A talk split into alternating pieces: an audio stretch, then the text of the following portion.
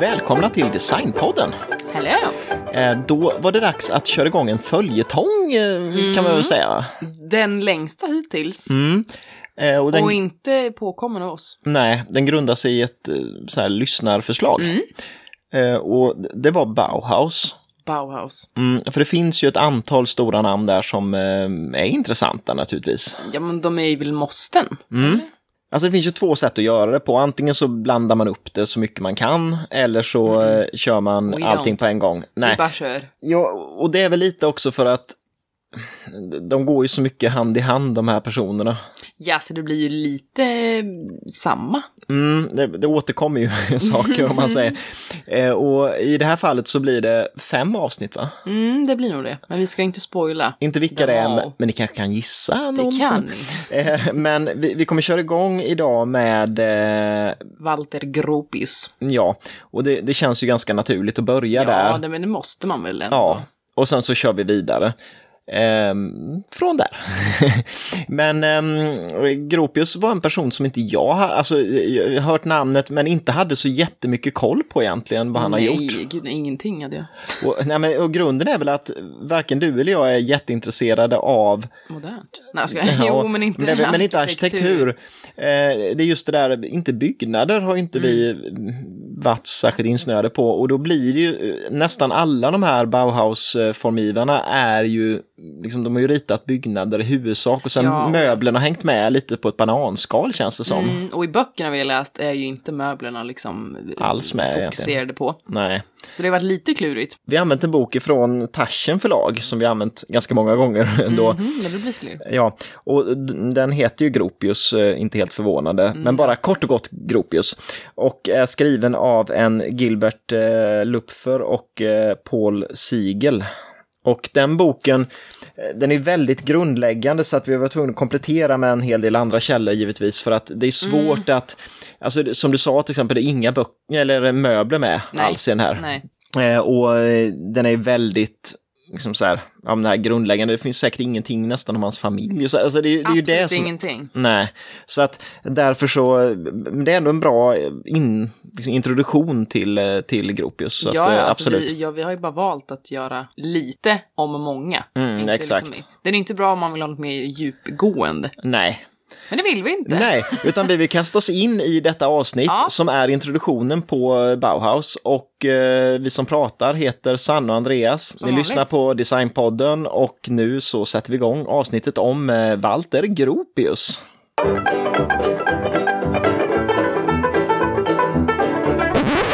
Ja, men vänta lite nu. Eh, Innan vi börjar med avsnittet så vill vi meddela att vi har en tävling. Det har vi. En fantastisk sådan. Ja, tillsammans med Svenssons. Mm. Eh, Och då kan man alltså vinna en träfigur av Kai Bojesen. Mm. Den här eh, lunnefågeln. Ja, jag skulle sagt lunnefågel. Och danskarna säger då söpapegöje, eh, sjöpapegoja. Dessa danskar. Ja, men, men den är ju jättefin och eh, kanske den roligaste av Ja, hans jag skulle figurer. säga att det är tycker den jag. finaste. Mm. Och det, den formgavs 1954 av Kai Bojesen och Mm. tillverkas idag av eh, Rosendal i Danmark. Kostar 949 kronor, så Mm. att vara med i den här tävlingen. Men hur vinner man den här då? Om jag vill det. Ja, vi har tävlingen på Instagram. Mm. Och det man gör är att man följer oss, ja det gör man ju redan, men om man nu mot förmodan inte då- skulle ja, göra precis. det. Mhm. De få. Ja, då, då följer man oss där. Sen så eh, delar man eller repostar en bild eh, från eh, Designpodden. Precis. Valfri bild helt enkelt som man gillar. Ja, men ja, och så vill vi ju ha en liten motivering varför man delar just den bilden. Precis, så att dela bilden, Gillar vi motiveringen så vinner man. exakt. Det som är viktigt att komma ihåg är att när man då gör den här eh, reposten av en bild från oss så måste man tagga oss i bilden och i texten så att eh, Så vi ser det, ja, annars Mm. är det svårt. Annars märker man inte att man är med. Men ja, det är det man behöver göra. Så att för tusan, var med i den här tävlingen Kör och Hårt. vinn en lunnefågel och ha där hemma. Varför inte? Och vill man se då eh, lite andra designföremål och sånt så ska man absolut gå in på Svenssons hemsida. Ja, oja, oja, oja. Svenssons.se. Det är ju nästan alltid där vi hittar våra nypriser och så som vi jämför med också. Precis. Så nästan allting finns ju där. Eh, och det finns ofta bra erbjudanden och sånt på design, så kika in där och nu kastar vi oss in i avsnittet.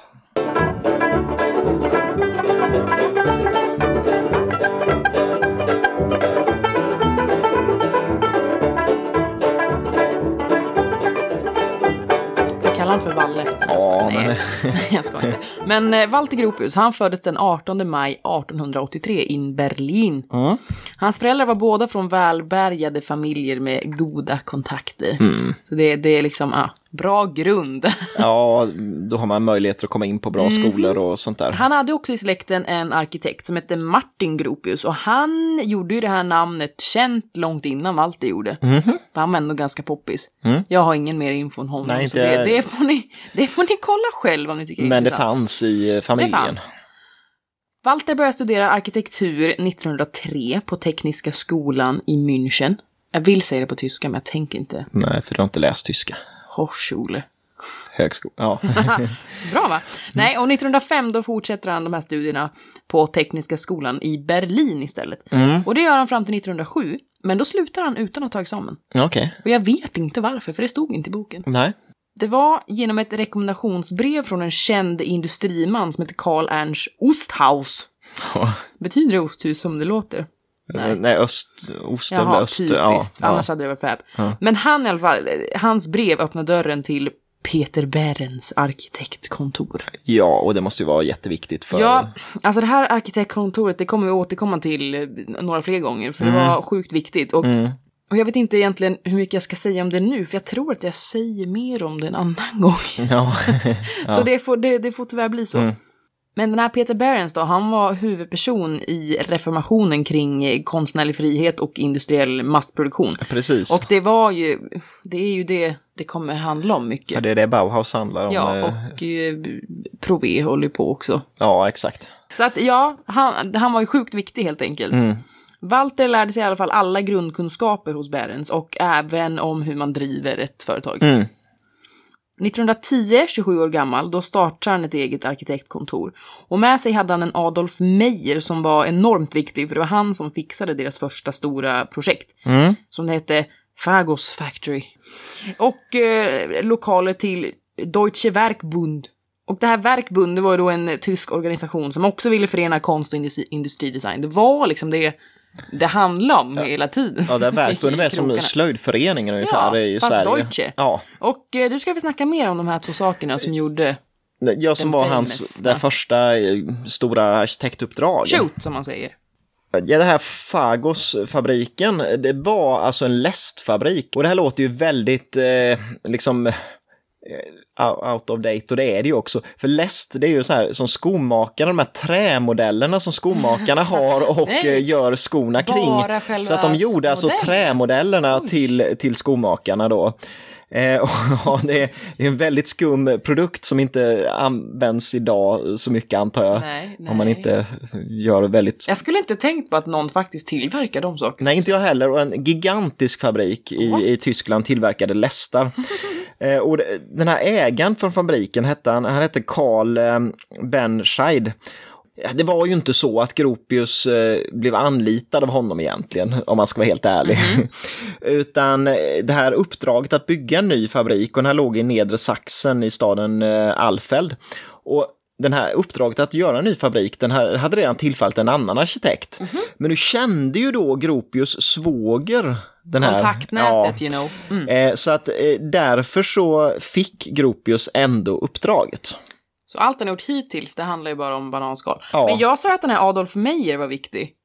Men han var ju också liksom drivande för att Gropius Mm. Men det kom verkar ju, inte ha gjort så mycket nej, alls. nej, men det kom ju i för att eh, det, fabriken ritas ihop med Meyer så att de har lika stort egentligen inflytande båda två. Det är ju egentligen mest skulle jag säga att Gropius med tiden kommer att bli större och därför så är det honom man nämner i det här Mm. sammanhanget. Vanligt. Men hela Fagosfabriken ritas ju av både Gropius och Meyer tillsammans. Det gör den inte, men jag ska komma till det varför Ah, sen. Det är faktiskt så att Walter inte kunde rita. Nej okej, de ri- ja, Meyer ritade den rent... Ja, för eh, att han under hela hans karriär så var han tvungen att ha kollegor som, som förstod hans muntliga, eh, liksom när, han, Mm. ja, när han beskrev hur det skulle tänka, se ut, för han kunde inte. Ja, de gjorde den ihop, men det var Meyer som ritade den då rent Mm, precis, fysiskt på precis, papper. precis. Ja, men absolut.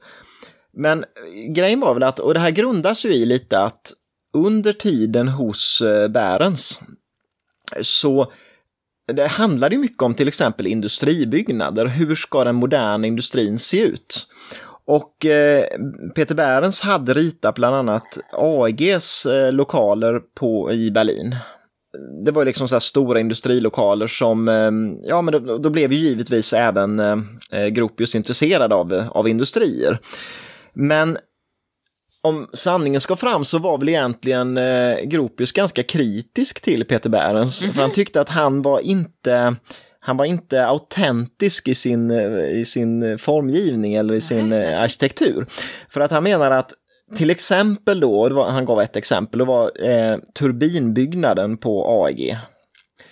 Då hade Bärens ritat till stora pelare i hörnen, kolonner typ. Och det här är inte, det här är inte ärligt för att kolonnerna har ingen funktion. De, bygger, de liksom bär inte upp någonting för att egentligen så var det stålbalkar inne i byggnaden som var den bärande strukturen. Eh, och då tyckte ju Gropius att när, liksom, om det är stålbalkar som håller upp det, varför hålla på med massa pelare som egentligen inte har någon funktion? Så att det stred ju mot det som, eh, som eh, Gropius stod för.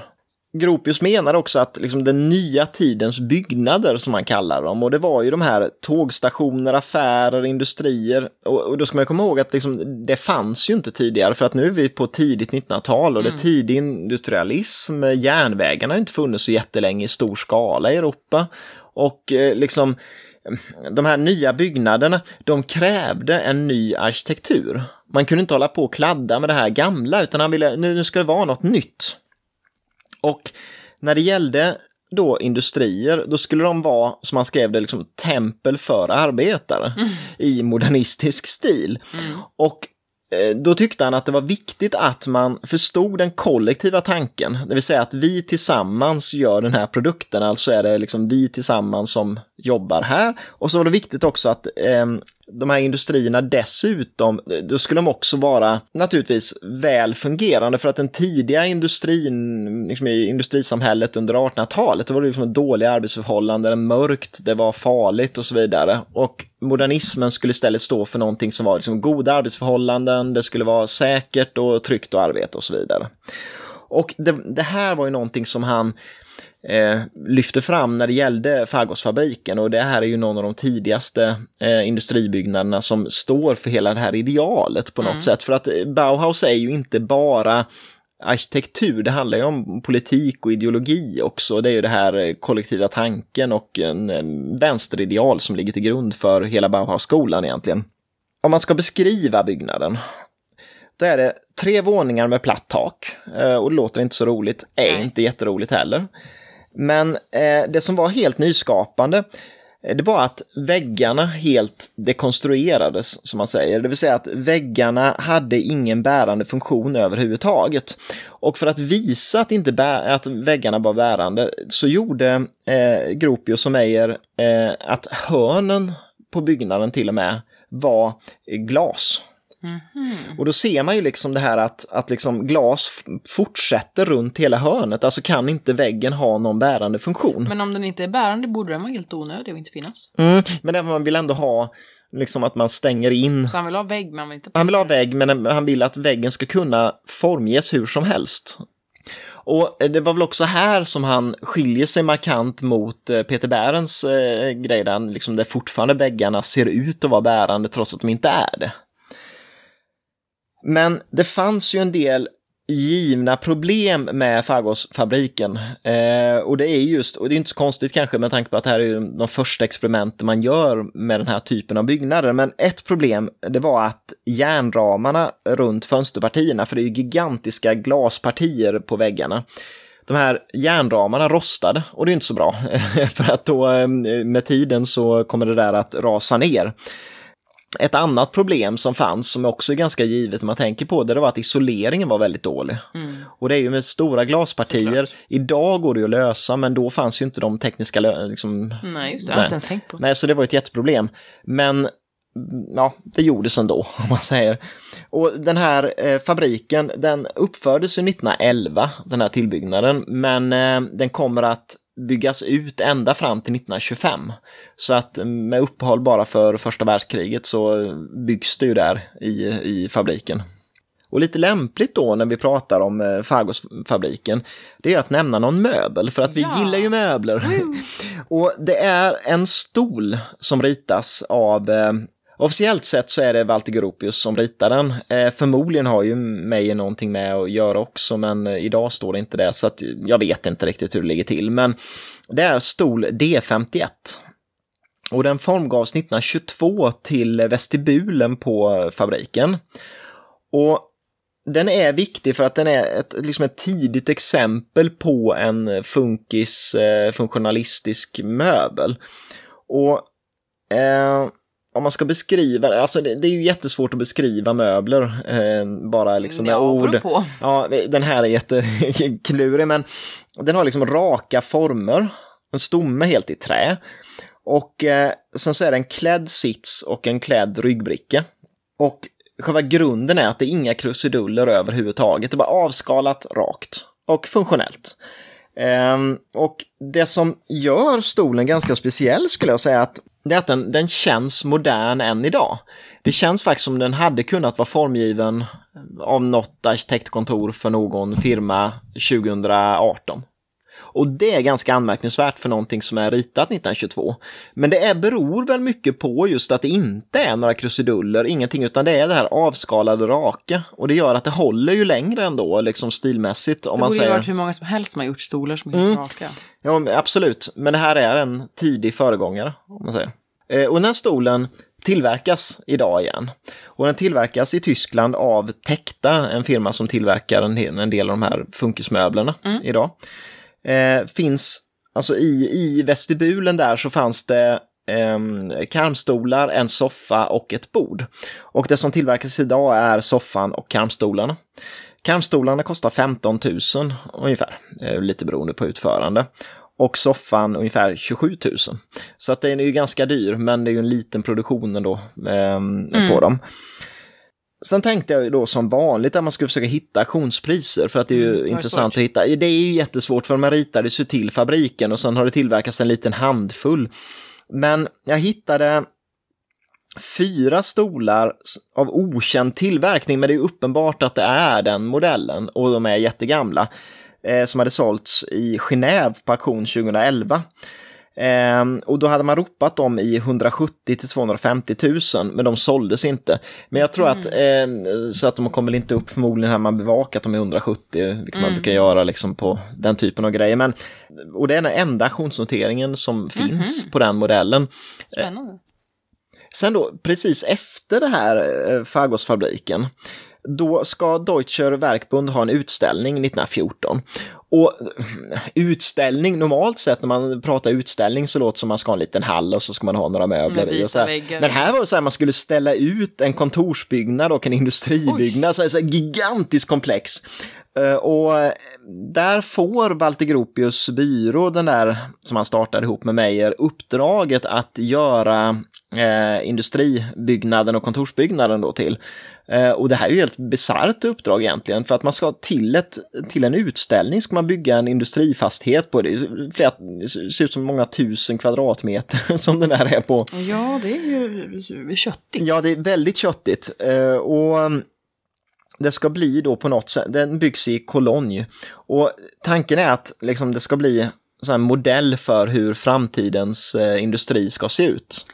Och jag tänkte inte gå in så mycket på hur den här ser ut, för man fattar grejen. Man fattar grejen med att väggarna inte ska vara bärande och stora glaspartier och eh, funktionella byggnader. Men den är viktig att nämna bara för att om Fagos var det första stora liksom, eh, projektet som de får, så är ju den här utställningen 1914 det som befäster eh, Gropius som ett av de största namnen när det gäller arkitektur i Tyskland och i hela Europa.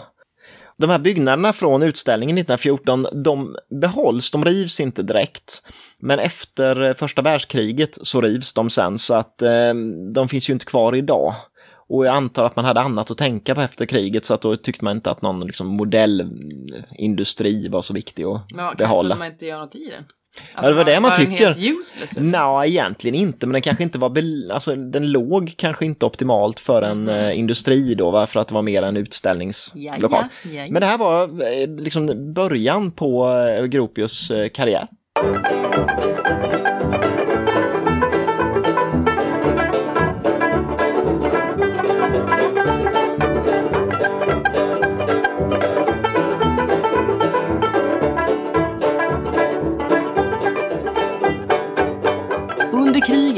Så Mm. jobbade inte Gropius. Surprise. Surprise. Nej, det blir ju inte så aktuellt då. Nej.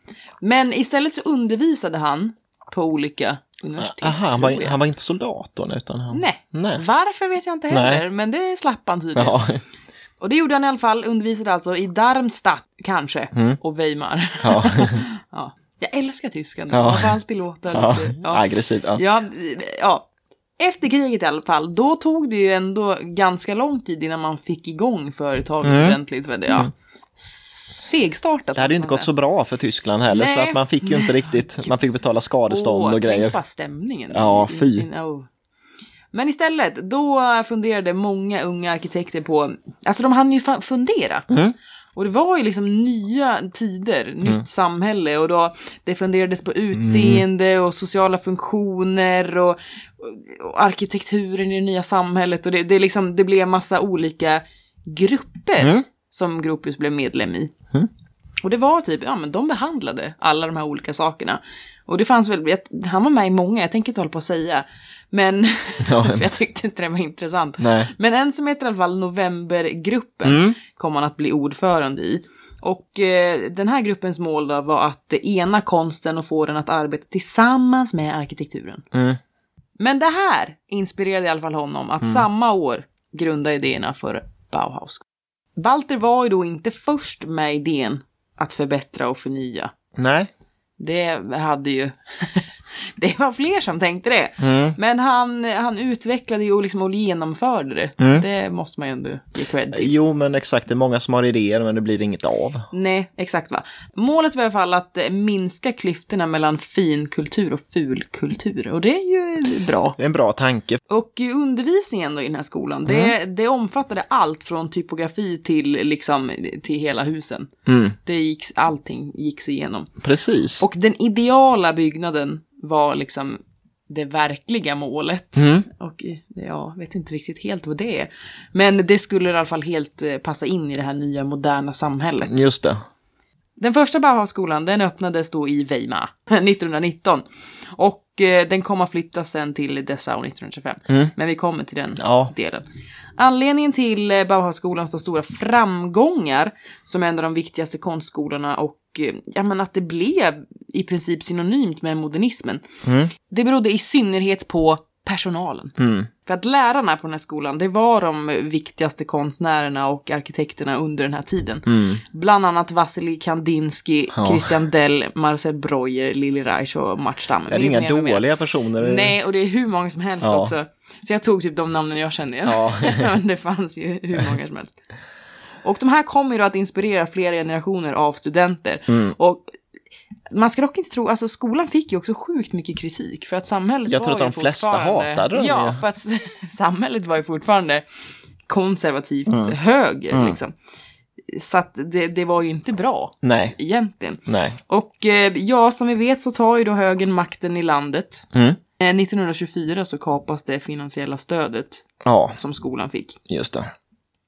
Och eh, 1925 då ombads Gropius att avgå. Mm. Det lät ju dock snällt som att han ombads, men, men ja, Mm. då skulle det vara slut på det roliga. Mm. Men för att inte skolan skulle tvingas läggas ner, då försökte faktiskt Walter att eh, omvandla det till ett aktiebolag som skulle finansieras av staten och bla bla bla. Ja, Men eh, det var inte riktigt så lätt. genomförbart. Nej, nej. Så det gick inte. Så Nej. att eh, skolan då i, i den här tyska staden Tingsén, Weimar. den läggs ner. Ja. Och flyttas då istället till Dessau, heter Mm. det så. Ja.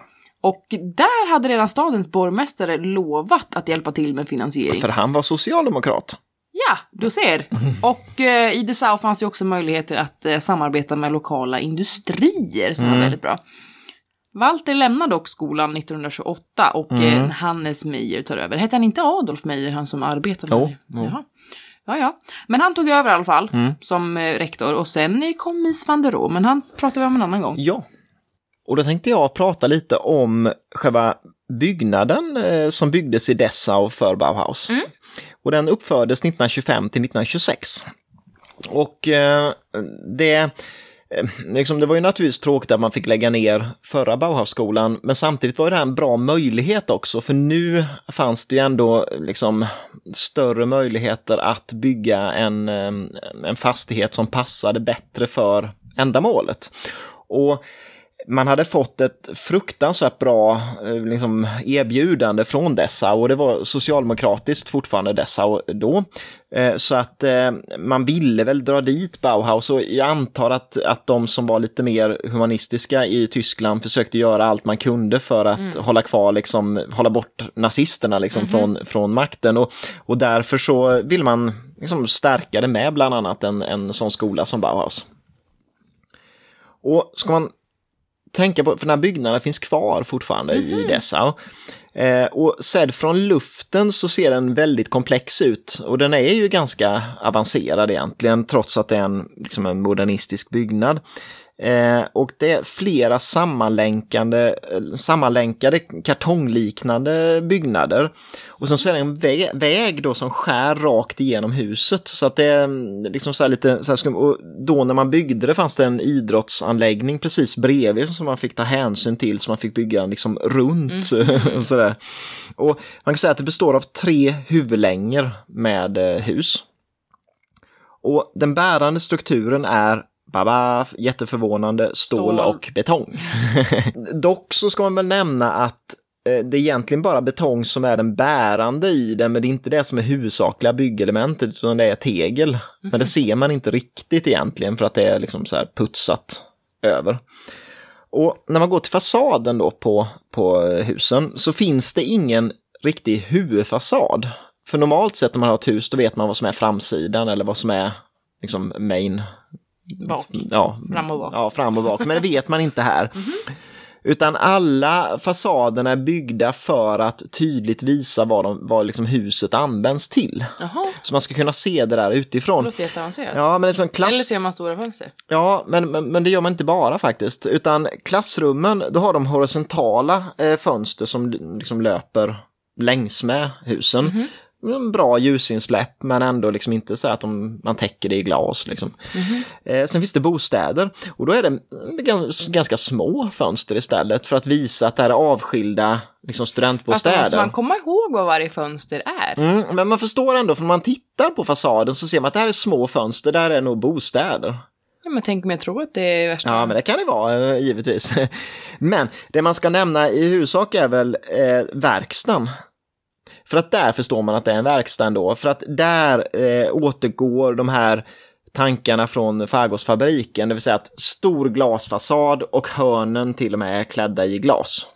Ehm, taken på den här byggnaden, de är helt platta, eller de är inte helt platta för att det finns en grad slutning. En att, grad? Ja, och det är inte mycket. Nej. Eh, och det var ju bra rent eh, arkitektmässigt då, för man tyckte att det här är nyskapande och mm, ser bra ut. Problemet var väl då att man hade inte byggt några sådana hus riktigt innan med engradslutade tak. Eh, så då visste man inte riktigt hur man skulle göra och då fanns det ju en del riktigt stora problem. Snö. Ja, till exempel. För det var just det där att dränage, ja hur gör man det då för att vattnet ska rinna av på ett bra sätt? Idag använder man grus ofta. Det gjorde man inte på Bauhaus. Utan eh, det fanns bara egentligen kärpapp som låg på. Och det, det problemet där var ju att eh, kärpappen, när den inte hade någon grusbeläggning eller någonting över, så eh, blev den förstörd av, eh, eh, av solen helt enkelt när den låg på. Så att taket blev aldrig helt eh, skyddat från vattenläckage. Eh, sen kan man nämna då bostäderna, för att studenterna hade ju studentbostäder. Och eh, studenterna bodde i en av de här längorna. Och eh, den här längan bestod av en femvåningshus på totalt 28 sovrum. Och eh, varje sovrum bestod av ja, 20 kvadratmeter, så det var väl ungefär det man behövde för, som studentet. Det är väl ungefär så idag med. Va? Ja, gud ja. Ja, ja. Jag har bott i så litet Ja. många gånger. Och, men, lyxigt värre, varje sovrum hade en balkong. Nej. Och det har de inte idag kan jag ju säga. Ehm, balkongen var ju inte mycket till världen, men det fanns ju ändå. Det var en liten sån här, en liten plös eller en liten grej. Som, plös? en liten sån här betonggrej som stack ut från fasaden. men man kunde, balkong. nej, man som kunde ändå, nej, men man kunde ändå gå ut på den. Ja, men sen då på varje våning, och det här är ju nästan som moderna studentkorridoren då på något sätt, för att på varje våning fanns ett kök som var gemensamt för alla. Och sen i källaren som var en sån här halvkällare, man ska säga, det var liksom halvt upp över marknivå. Eh, där fanns eh, tvättstuga. Eh, det fanns, i och för sig då duscharna var där nere så att det skulle inte så många vara glada idag om ja, det var. Eh, men det fanns ett gym där nere och det är ju lyxigt ändå. Men man kan väl säga så att det här är ju funktionellt och inte så lyxigt eh, på det stora hela. Eh, och så ligger det ett sånt där vänsterideal i grunden eh, för det hela. Och då kan man ju tycka så att ja, men då är det väl jämställt. Då har väl alla ungefär samma, alltså oavsett om du är lärare eller elev eller sådär, du har ungefär samma liksom, standard. Men, men så blev det ju inte riktigt då. Utan eh, Gropius eh, ritade även då Mästarnas hus, eh, som är de husen som eh, de som var de bästa lärarna på eh, Bauhaus då bodde i. Mm. Och där finns det ju en problematik, för det, det, det där, de skiljer sig ganska kraftigt åt från de här små studentbostäderna. Eh, Och de här husen, de byggdes ja, ganska nära, det var ju ändå utkanten av Dessau, så att det var liksom fina eh, områden där. Gropius fick till ett bra avtal då med staden Dessau, eh, så att eh, han lyckades få till det så att de här bostäderna för mästarna då på Bauhaus, de, de behövde inte de finansiera själva, utan då kunde staden Dessau mm, finansiera bygget och sen hyrde då de här som var lärarna de här husen. Och Området bestod av en direktörsvilla, som hans egen villa, och sen så var det tre tvåfamiljshus. Så var det så många som fick plats i det fina området. Men varför bodde alla där? Eller liksom what? Jo men det var, tanken var väl att man ska bo nära i och med att man Men hade väl inget annat liv. Ja men det är ju ändå, ja man, ska, man har väl inget annat liv än, än jobbet då. Eh, Det låter ju som mardröm. Och genom åren har då ett antal ganska stora namn bott där och det är ju bland annat då Gropius själv. Mm. Det är Kandinsky, det är eh, Paul Klee har bott där och Ludwig Mies van der Rohe och ett antal andra av de här riktigt, riktigt stora mannen under liksom, modernistiska eran. Och det som är typiskt för husen är en vit eh, asymmetrisk fasad och en kubistisk form. Det är liksom så här kuber som allt är uppbyggt av. Grejen var ju att husen var luxuösa. Och flera av de här lärarna gillade ju inte det där heller för de hade ju andra ideal. De tyckte ju att det, det skulle vara jämställt och så här, någon av dem, jag kommer inte ihåg vem, men eh, sa något att ja, jag, jag drömmer varje natt om att det kommer stå uteliggare och väntar utanför så här när jag går upp på morgonen. Så här, det kändes ju lite konstigt kanske, men ja, men något jag tänkte nämna i samband med det här, utan att gå in mer på husen egentligen, det är eh, till det här området eh, som eh, byggdes.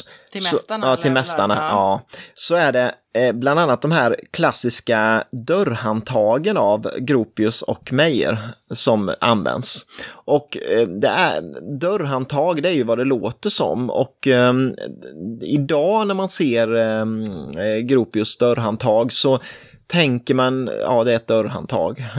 Men om man ser det som det såg ut då så såg inte dörrhandtag ut på det sättet utan det är föregångaren till hela den här eh, liksom funkisdörrhandtaget. Liksom som bara är en cylinder som man tar i och sen så Oj vad ganska tråkigt så här, det kanske. Tråkigt men ja, det var liksom funktionellt och eh, ja, brandsäkert jämfört med det som man ibland använde på 50-talet sen som var plast. Brandsäkert? Ja, Ja, för man, så man kan idag är det, ja, man kan komma ut för i, i, eh, under 50-60-talet hade man ofta plast i dörrhandtagen. Nej, då och det är ju, ja, då kommer man aldrig ut igen Aha, och då dör man. Ja.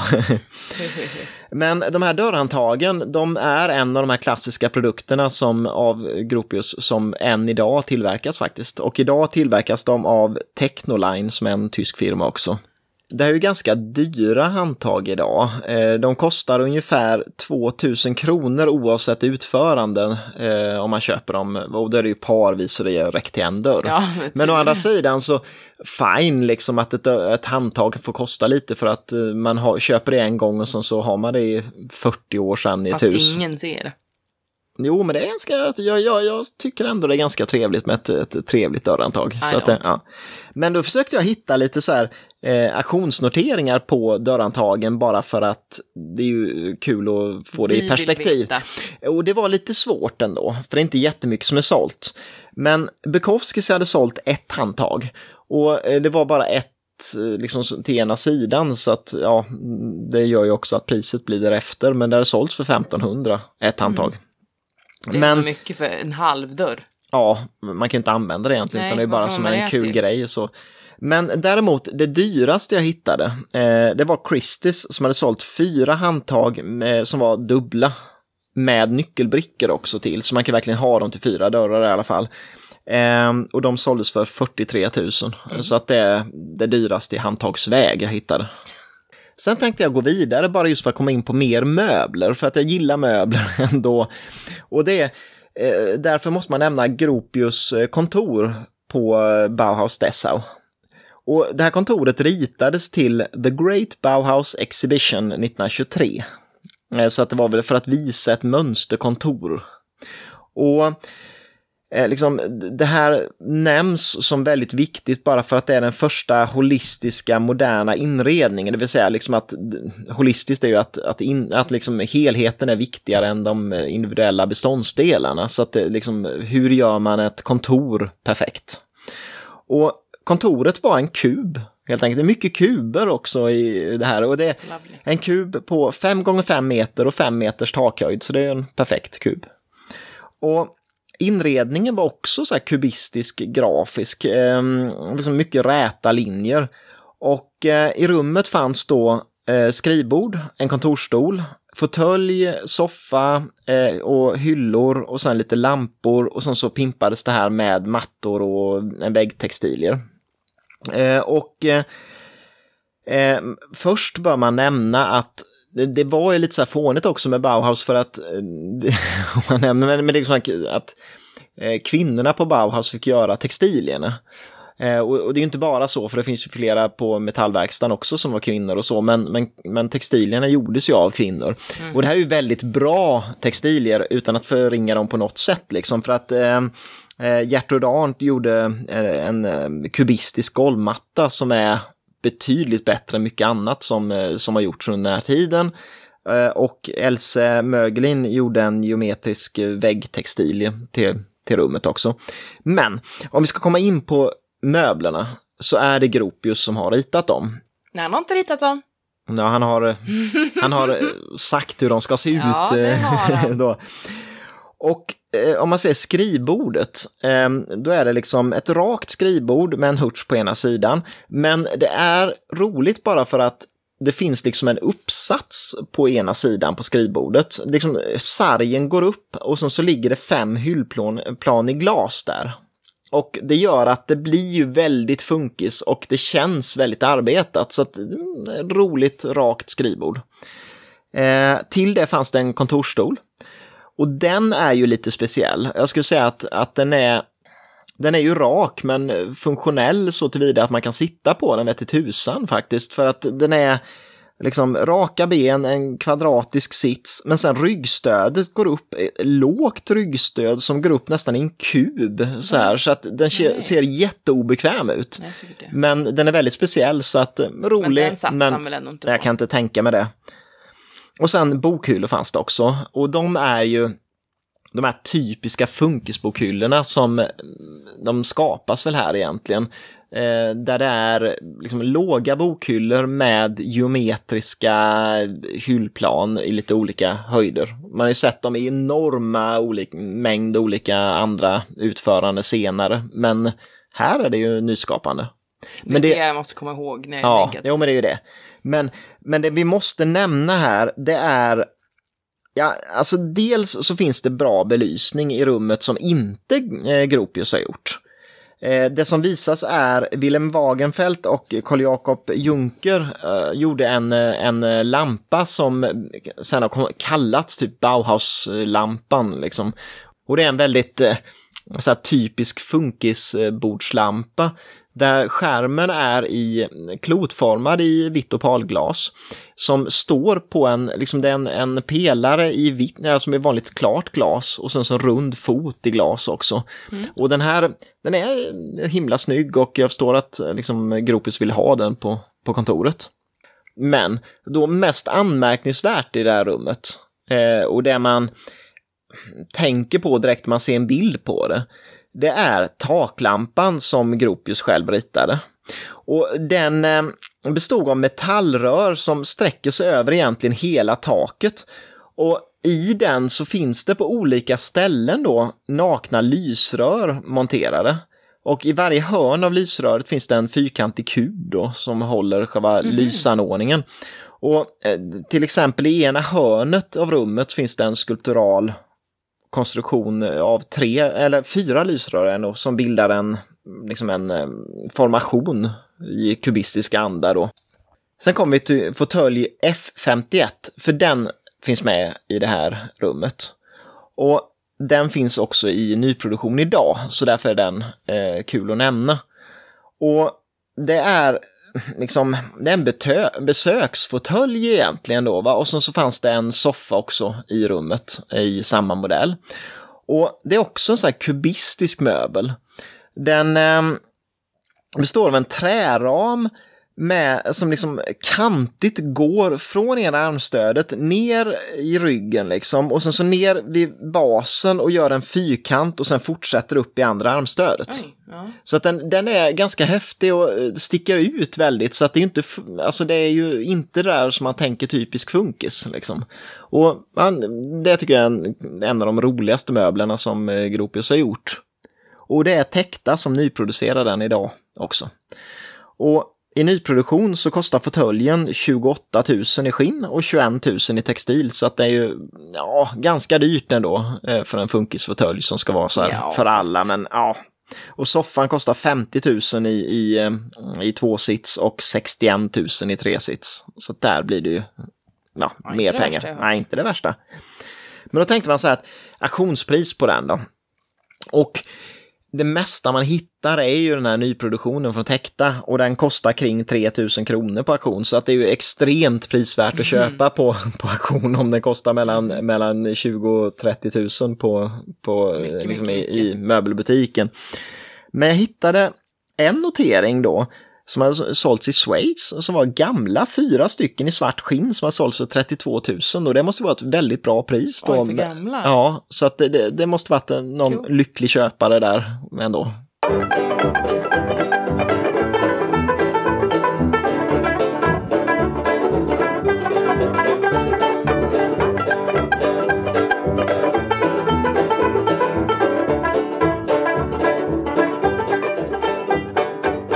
Nu känns det som att man åker tillbaka i tiden för det har pratat så länge. Mm. Men vi är bara i 33. Mm. Och då kommer nazisterna och tar mm. över. Och som sagt, det skulle vi inte prata mer om, men eh, det måste man ändå nämna utifall ni skulle ha glömt det. Mm. Och då skulle alla arkitekter gå med i något som hette Reichskulturkammer. Mm. Och det hör ni eh, antagligen Att det... vad det betyder. Oh, mm. Och det var då, den var då direkt kopplad till Goebbels propagandadepartement och eh, all kultur skulle liksom synkroniseras med politiken så att mm. arkitekturen var helt kontrollerad av staten. Men Walter försökte trots detta då jobba med arkitektur, men eh, han ville ju ha sin artistiska frihet. Jo. Så 34 så flyttade han till London. Mm. Han hade redan 1932 och 33 spenderat tid i London och varit i kontakt med en familj som heter Elmhurst. Och de hade gjort klart för honom att de ville finansiera en, ett nyöppnande av Bauhaus i England. Jaha. Och det låter ju skitbra, men det, det kommer inte att hända. Nej. Och jag vet inte heller varför det inte hände, för det be- beskrev inte boken. Så Walter jobbade istället med en ung arkitekt som hette Maxwell Fry en lång tid av hans tid i England helt Ja. enkelt. Och eh, tanken var inte då att han skulle bli kvar i England för resten av livet, utan han ville ju åter till Tyskland Ja. efter kriget. Mm. Han gjorde några lyckade projekt i England, men han blev aldrig riktigt framgångsrik. Nej. Han skrev böcker, vilket han tydligen alltid hade gjort, för det var en stor del av hans arbete.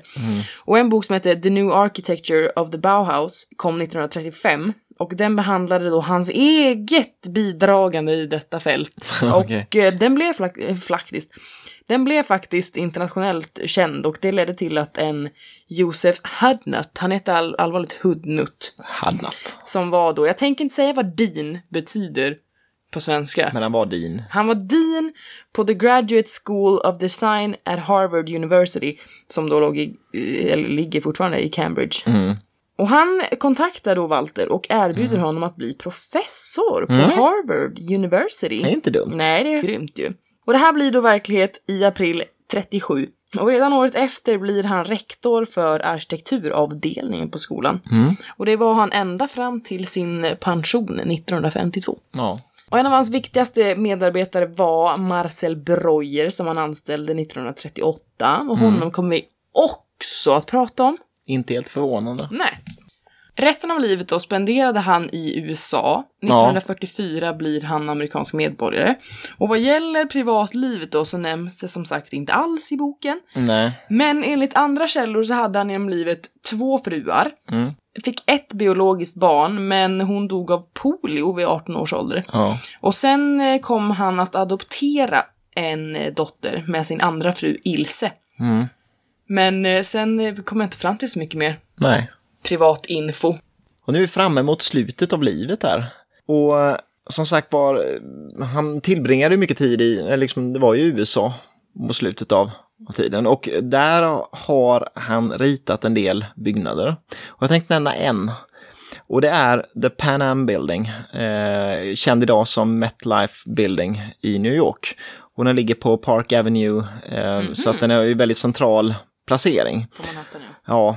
Ja, och eh, Pan Am var ju ett flygbolag. Eh, det fanns kvar fram till eh, där Lockerbie när en terrorist, en terrorist sprängde planen med Lockerbie i Skottland. Så att, Kan ni ehm, lyssna på på P3? väl? P3 Dokumentär Ja, har en bra dokumentär om det.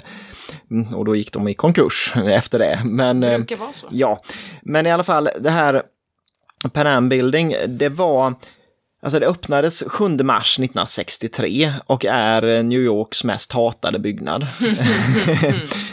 och, men, men förutom att vara den mest hatade byggnaden, både nu och då tydligen, så, så var den när den öppnades den största kontorsbyggnaden i världen sett till kvadratmeter. Oj, oj, oj. 220 000 kvadratmeter fördelat, 20 000? ja, fördelat på 59 våningar. What? Och den var 246 meter hög.